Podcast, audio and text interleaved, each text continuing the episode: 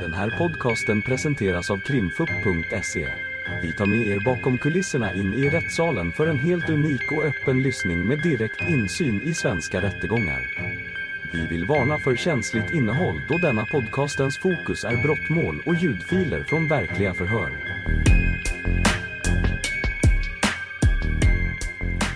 Ja, varsågod Valerie.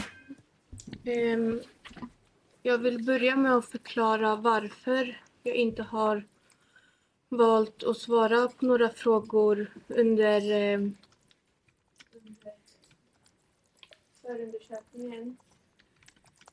Eh, och eh, det är dels på grund av att eh, på grund av rädsla. som, alltså med tanke på allting som har hänt i år så har inte jag eh, velat utsätta mig själv eller min familj för eh, ja, något liknande. Så just därför har jag valt att, att, att inte eh, ja, svara på några frågor. Men eh, idag ska jag ska försöka förklara så gott jag kan eh, angående det här jag är misstänkt för. Och ehm, Ehm, jag, ehm, jag vill bara då kommentera det, alltså min delaktighet och inte någon annan.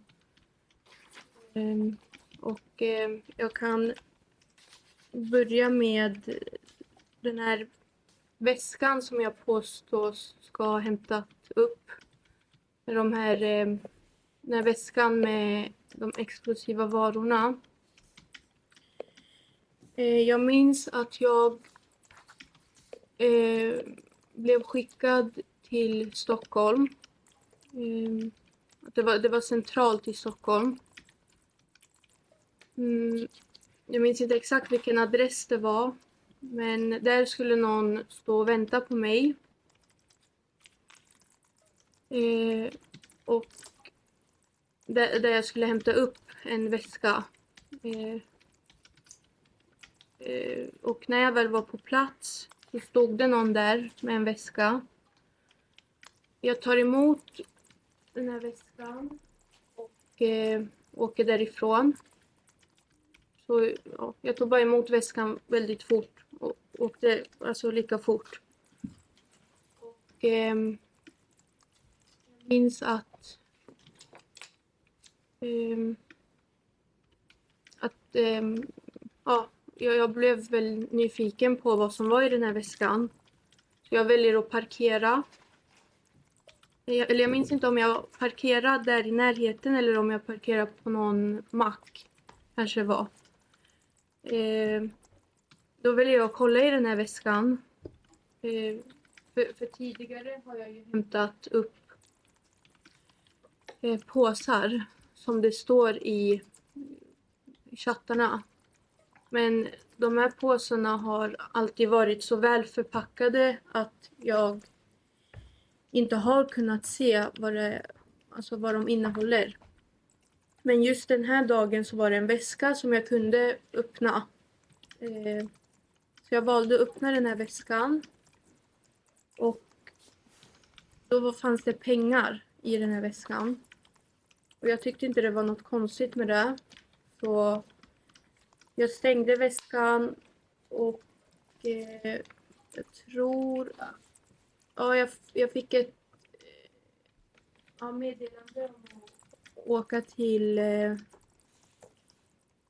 åka till Södertälje var det. Eh,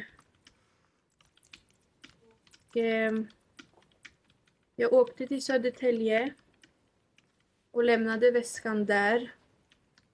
Det var inte på Oxelgrensvägen eh, som det påstås. Utan jag vet att det var det kan ha varit i närheten av Oxelgrensvägen. Eller på vägen dit. Jag, jag, jag har inte exakt adress men eh, det var ja, i, alltså, ja, nå, någonstans i närheten. Ehm, men ja, det var som sagt bara pengar i den här väskan som jag plockade upp. Och eh,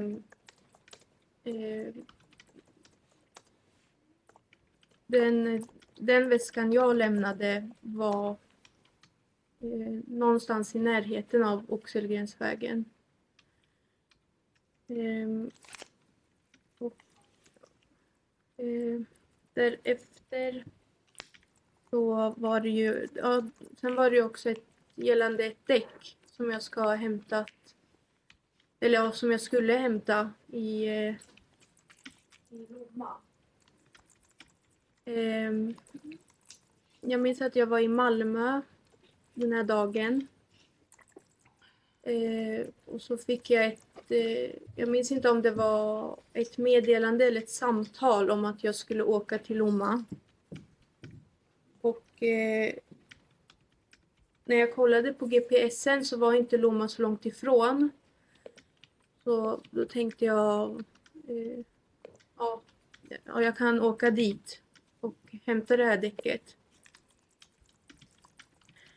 Ehm, och väl på plats så, eh, så skulle jag ställa mig utanför några röda portar. Ehm, och det gjorde jag. Jag satt i bilen och väntade där. Sen öppnades eh, de här eh, ja, portarna upp. Då såg jag att det var en däckverkstad, eller ja, det såg ut som ett däckverkstad. Det fanns massa däck och massa verktyg och ja, det såg ut som en helt vanlig verkstad. Och eh, det kommer ut en person som ser ut att jobba där. Eh, han hade på sig eh, eh, arbetskläder. Och, eh, och så rullade man ut ett däck.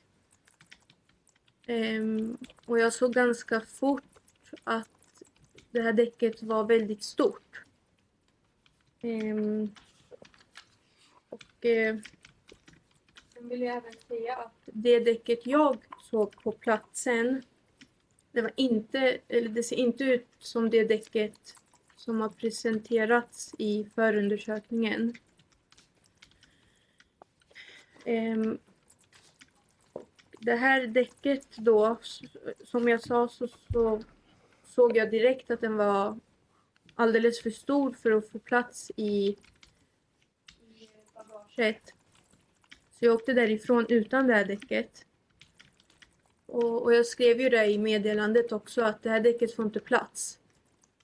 Eh, så jag valde att åka därifrån utan det här däcket. Eh, men varken innan jag åkte till den här platsen eller på plats så nämnde man ingenting om någon narkotika. Och eh, man sa bara att du ska hämta ett däck och ja, inget mer med det.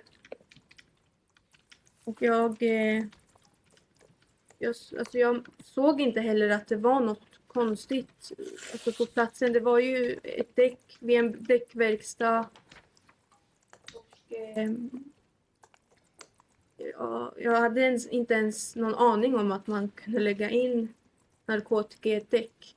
Ja, alltså det, det är inte det första, alltså jag, alltså det är ingenting jag har tänkt på. Och det är inte heller det första alltså man tänker på när man väl är där. Och, ja. Ehm. Sen har vi ju även ehm, två, det var några meddelanden om eh, eh, 12 kilo cannabis. Eh, jag ehm, jag vet att när jag väl fick de här meddelandena så hann jag inte ens jag hann inte ens se de här meddelandena förrän jag fick ett samtal. Och det ser man även i, i, eh, i chatten att jag får något samtal bara någon, någon sekund efter eller så. Eh, och ehm, i det här samtalet sa man att, eh, att det här meddelandet som jag precis hade fått inte var eh, menat för mig. Utan att eh, man var väldigt stressad, att man pratade med flera olika personer samtidigt. Och eh, att, eh, ja, att jag bara skulle ignorera det meddelandet. Men eh, jag minns att jag blev väldigt upprörd för att jag, jag, har aldrig, alltså jag har aldrig varit i kontakt med narkotika. Jag har aldrig brukat narkotika. Jag har aldrig varit i, alltså i sådana sammanhang eller med, såna, med, med, personer som brukar narkotika. Eh, jag blev väldigt upprörd och jag sa det att jag kommer inte hämta något paket med narkotika. Eh, men i det här samtalet så försäkrade man mig om att det är inte narkotika. Du, du behöver inte oroa dig. Jag hade inte utsatt dig för något sånt. Ehm, så vi, ja, vi diskuterade en stund och eh, ja, jag, eh, jag valde att lita på det man sa helt enkelt. Så eh, jag hämtade upp eh, det här paketet, eller paketen eller vad det var. Och eh, väl på plats så valde jag att eh, kontrollera alltså om, om det verkligen var narkotika eller inte. Men eh, paketen var så väl förpackade och eh, så jag kunde, jag hade ingen möjlighet att öppna upp och kolla vad det var. Men eh, ja, jag valde helt enkelt. Alltså att det inte var narkotika då. Ehm, och sen har vi ju också eh, den här dagen den 25 april då jag blev gripen. Eh, jag åkte till Södertälje på eh, den här Östergatan. Jag parkerar bilen alltså precis utanför. Och eh, jag sitter även kvar i bilen en stund. Eh, och då, eh, då kommer det fram en person och vinkar till mig. Eh, och den här personen har jag aldrig träffat tidigare. Jag har aldrig sett den här personen.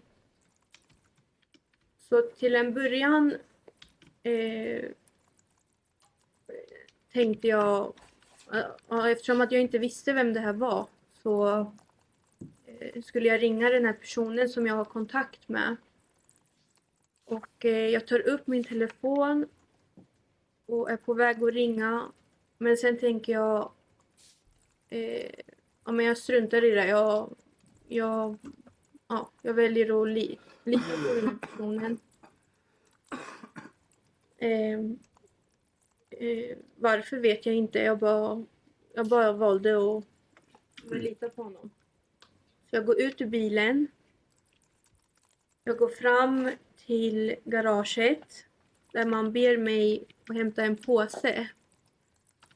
Och eh, jag råkade ju ha en påse i bilen så jag går och hämtar den påsen.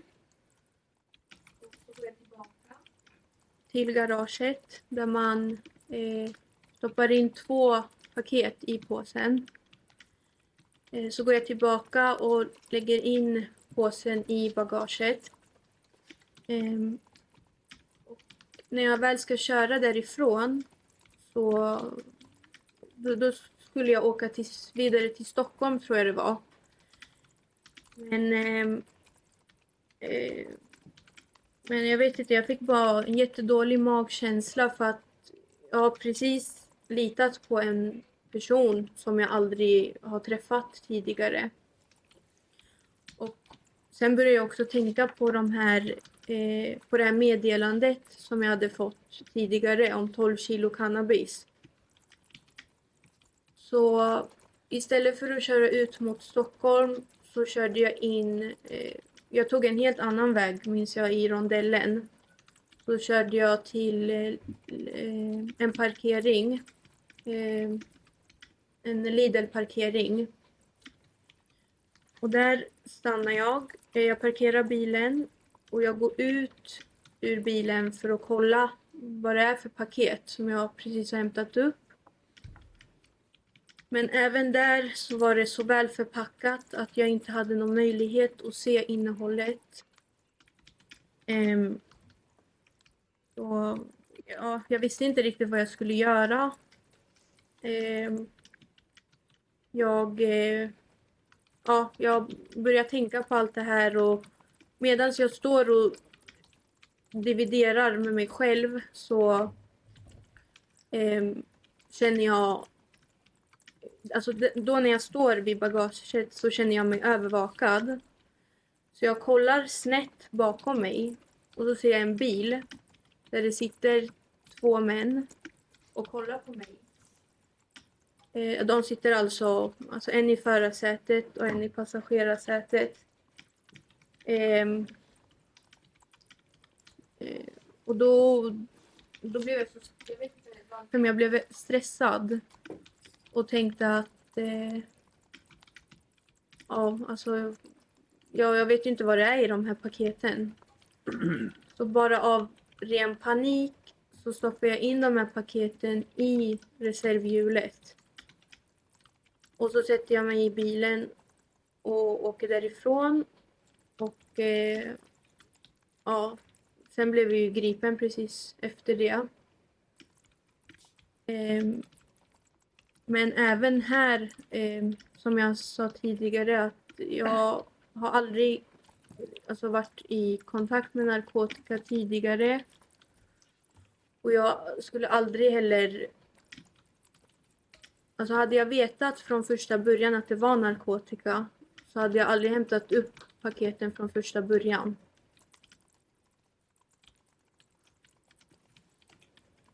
Mm. Ja. Så ja, det var... Jag känner mig klar. Det är det du ville berätta? Ja. Då släpper jag in åklagaren. Varsågod. Tack. Vad var det du trodde att det var i de här paketen som du hämtade? Jag vågar inte svara på några frågor. Vågar inte svara på frågor? Hur kommer det sig? Alltså Valerie, ja, du har ju all rätt att inte berätta någonting och du behöver inte svara på några frågor. Jag tänker att vi kanske kan göra så här att du väljer att svara på de som du tycker är, är ofarliga frågor eh, och sen så väljer du att säga ingen kommentarer på det du inte vill svara på. Vad tror du om det? Till exempel nu har du ju förklarat här att eh, du eh, inte har förstått att det var narkotika du transporterade. Och då tänker jag att om du kanske kan vidareutveckla eh, vad istället du trodde det var eh, så är det ju kanske större benägenhet att, att, eh, att din upp, dina uppgifter framstår som eh, riktiga. Därför vill jag att ge dig möjlighet att berätta vad du istället trodde att det var i påsarna. Vad tänker du när du eh, transporterar hårt paketerade eh, paket på uppdrag av någon annan. Om du inte tror att det är narkotika, vad tror du istället att det är? Vidtar du några kontroller förutom att du inte kan öppna paketet men ställer du några frågor till någon om vad det är du transporterar? Gör du någonting för att försäkra dig om att det här inte är brottsliga föremål som du transporterar?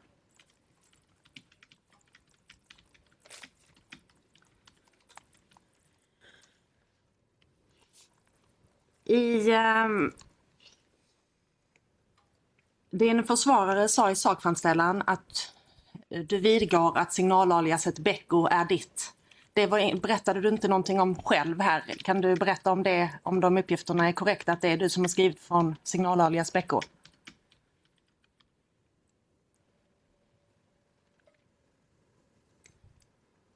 Din försvarare sa ju det nämligen. Har du någon annan uppfattning än han eller är det så?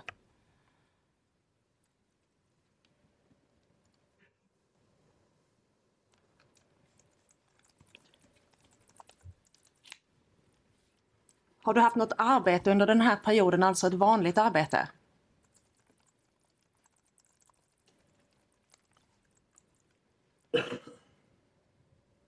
Den här telefonen som eh, du grips med i din bil, som har telefonnummer som slutar på 3832. Vems telefon är den? Numret är kopplat till dig via Swish och det finns selfie på dig i telefonen. Är det din telefon?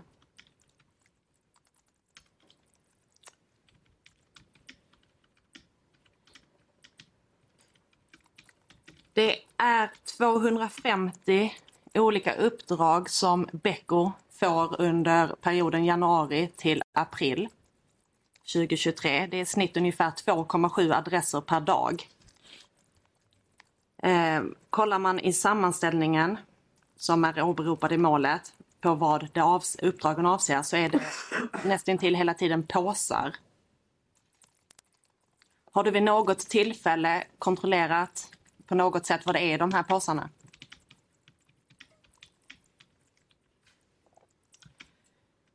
I chattkommunikationen så eh, framgår det att Becko är anställd mellan klockan 12 och 22. Har du haft arbetstider 12 till 22 under den här perioden?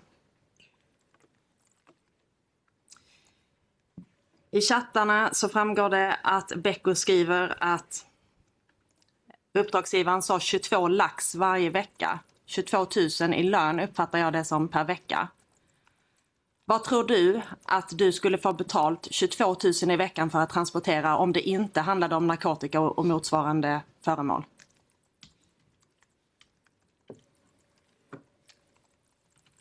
Vilken typ av eh, transportuppdrag ger så mycket betalt enligt din uppfattning?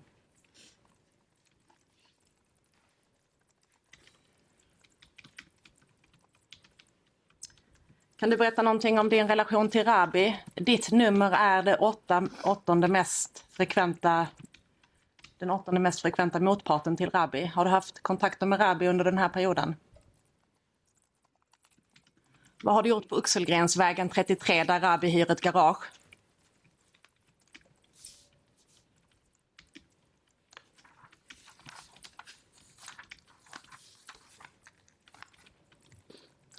Vilka adresser är du på när du ska till Ingo eller Tälje? Har du varit i garaget på Östergatan vid fler tillfällen än den 25 april? Enligt polis som ska vittna här så luktar det starkt av narkotika i garaget och det ligger narkotika synligt i garaget. Var det någonting som du såg när du var där inne? Var det någonting som du kände doft av?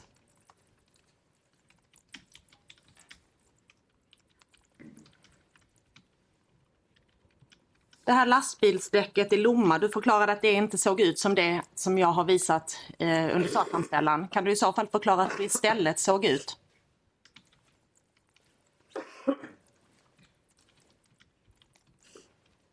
På vilket sätt skilde det däcket sig mot det som eh, skars upp dagen efter att du var där? Varför skulle du hämta ett däck i Lomma?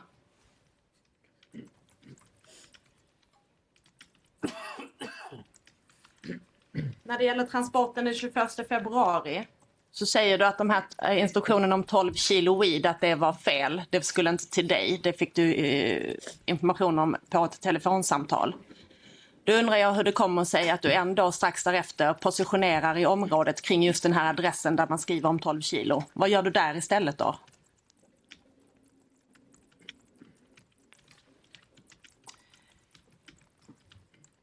Också instruktion om att lämna resten på Oxelgrensvägen efter 12 kilo weed på Odalsvägen i Sundbyberg. Vad är resten som du ska lämna på Oxelgrensvägen? Vad gör du i Hammarbyhöjden och Norrköping samma dag? Vad är det för påse 1, 2, 3 och 4 du ska lämna?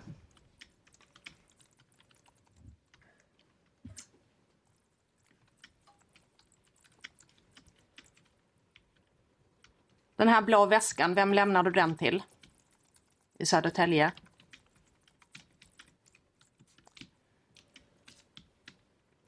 På den här blå väskan finns det DNA av en person som sitter häktad i Estland. Han är hörd. Han är dömd för brott mot lagen om brott, eh, brandfarliga explosiva varor. Han har berättat att han har hanterat den här väskan och att det är det han är det var för den här tidigare utredningen som han är dömd för. Nu berättar du att det istället, vid tillfället när du hanterar väskan, att det är pengar i den. Men sen visar det sig återigen att när den anträffas så är det eh, de här explosiva varorna i. Kan du berätta lite mer om de här pengarna? Vad var det för pengar? Hur mycket? Vilka valörer? Varför transporterade du pengar? Funderade du på att det var penning, kunde vara penningtvättsbrott som du gjorde dig skyldig till? Kan du ge några detaljer om pengarna i väskan? Det har du ju själv berättat om, att det var pengar. Varför är det farligt att vidareutveckla det?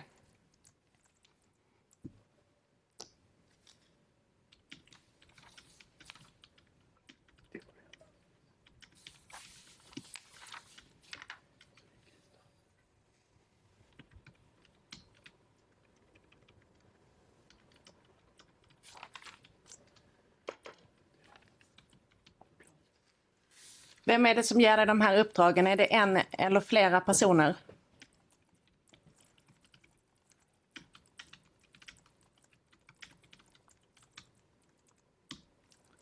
Vad gör du på Fornbacken? Vid upprepade tillfällen. Jag stannar där, tack. Tack så mycket. Har försvararen några frågor? Nej tack. Advokat Poli? Advokat Nej Muthei? tack. Nej. Så, inget ytterligare som du vill berätta, Valerie? Nej, tack. Då avslutar vi så här. Ni har lyssnat på ett avsnitt av Krimfupps podcast. Tipsa gärna oss på krimfupp.se om det är någon speciell rättegång ni skulle vilja höra. Tack för att ni har lyssnat.